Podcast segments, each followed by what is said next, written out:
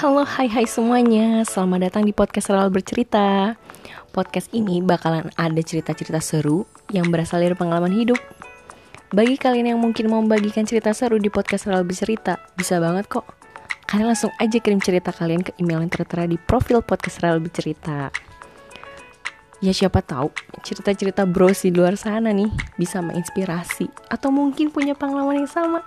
Nah, sebelum gue mengakhiri podcast perdana ini, gue mau kasih tahu ke kalian.